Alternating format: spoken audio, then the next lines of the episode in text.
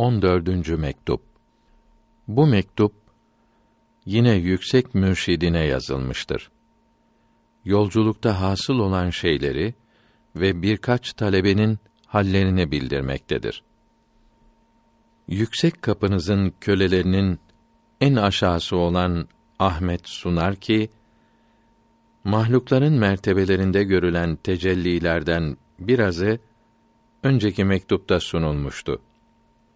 Ondan sonra vücub yani varlığı lazım olan mertebe göründü. Bütün sıfatlar bu mertebededir.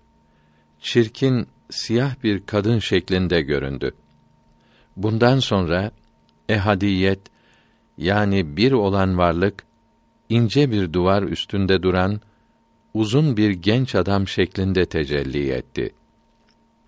Bu iki tecelli hakkani olarak göründüler. Bundan evvelki tecelliler böyle görünmüyordu. Bu zaman ölmek istedim. Kendimi büyük bir deniz kenarında ayakta gördüm. Kendimi denize atmak istedim. Fakat arkamdan bir ip ile bağlanmış idim. Bunun için denize atlayamadım. Bu ipin maddeden yapılmış olan bedene olan bağlılıklar olduğunu anladım. İpin kopmasını istedim. Öyle bir hal oldu ki gönlümün Allahü Teala'dan başka hiçbir şeyi istemediğini anladım. Bundan sonra vücub makamının bütün sıfatları göründü. Bu sıfatlar bir bakımdan birçok şeylerin aynaları oldular. Daha sonra bu aynalarda görünen şeylerin hepsi aşağı döküldüler. Geride yalnız vücub makamının sıfatları kaldı. Bunlarda görülen şeylerin ayrılmaları, dökülmeleri de görüldü. Şimdi sıfatların asla verildiği anlaşıldı. Onlarda görülen şeylerden ayrılmadan önce asla verilemezlerdi. Belki verilmiş gibi görülürlerdi. Tecelli-i suriye kavuşanların hali böyledir. Sıfatlar asla verilince fenayı hakiki hasıl oldu. Bundan sonra kendimdeki ve başkalarındaki sıfatları birbirinin benzeri buldum. Yerlerinin başka başka olması ortadan kalktı. Böyle olunca gizli şirklerin inceliklerinin birçoğundan kurtuldum.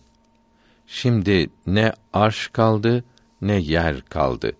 Ne zaman, ne mekan, ne altı cihet ve ne de eşyayı ayıran sınırlar kaldı. Eğer senelerce düşünsem, alemden bir zerrenin yaratılmış olduğunu bilemem. Bundan sonra kendime mahsus olan teayyün, kendime mahsus olan veç göründüler. Bu teayyün eski ve parça parça bir elbise gibiydi. Bir kimse giymiş idi. O kimsenin kendime mahsus veç olduğunu anladım.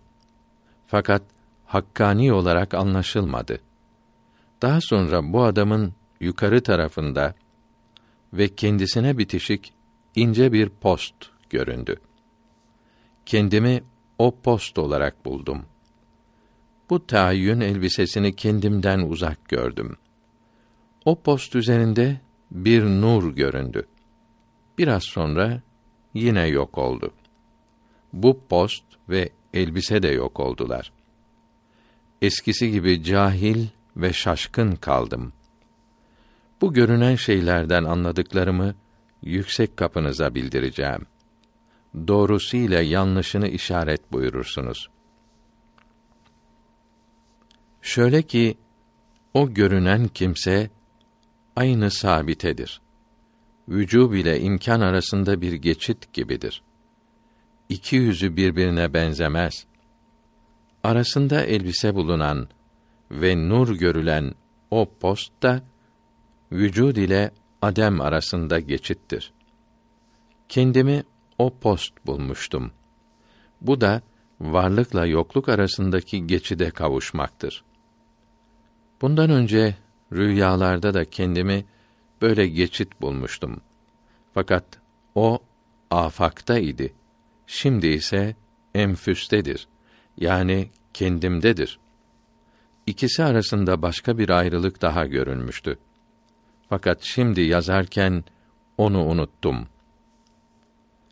Her zamanki halim şaşkınlık ve cahilliktir.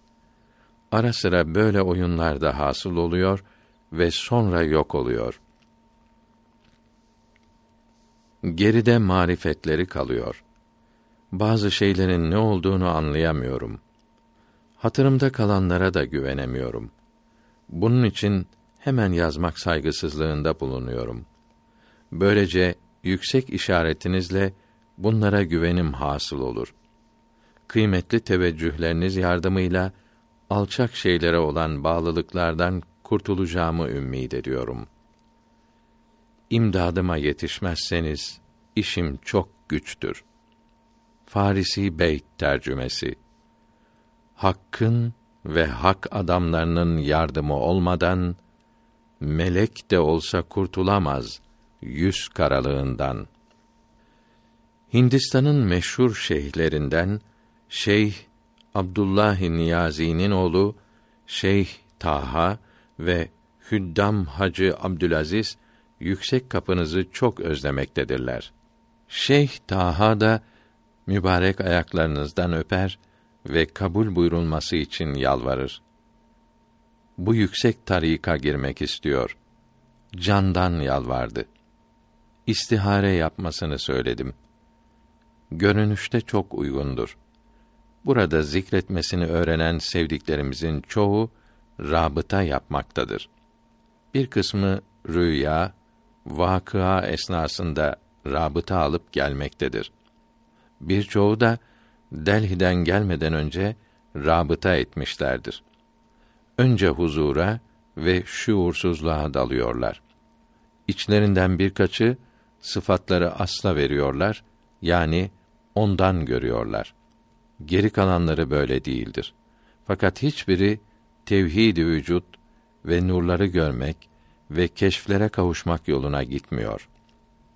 Molla Kasım Ali ve Molla Mevdut Muhammed ve Abdülmümin görünüşte cezbe makamının üst noktasına varmışlardır.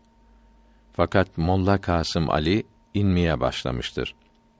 Geri kalan ikisinin inmesi bilinmiyor.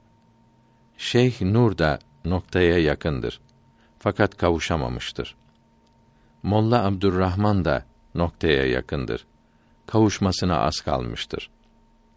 Molla Abdülhadi o makamda huzura ve şuursuzluğa dalmıştır. Diyor ki, her bakımdan hiçbir şeye benzemeyen bir varlığı Celle Şanü her şeyde hiçbirine benzemeksizin görüyorum. Her işi onun yaptığını anlıyorum. Yüksek nimetleriniz taliplere ve elverişli olanlara durmadan yağmaktadır. Bu nimetleri onlara ulaştırmakta bu aşağı kölenizin hiç hizmeti olmuyor. Farisi Mısra tercümesi Ben o eski Ahmedim, hiç değişmedim. Bir gün vakalardan bir vakayı anlatırken, o sevilmişlerden olmasaydı, maksada kavuşmakta çok güçlük çekerdi buyurmuştunuz. Bu mahbubiyetin yüksek ihsanınıza bağlı olduğunu da bildirmiştiniz. Bu müjdenizden çok ümitliyim. Bu taşkınlıklarım ve saygısızlıklarım ondandır.''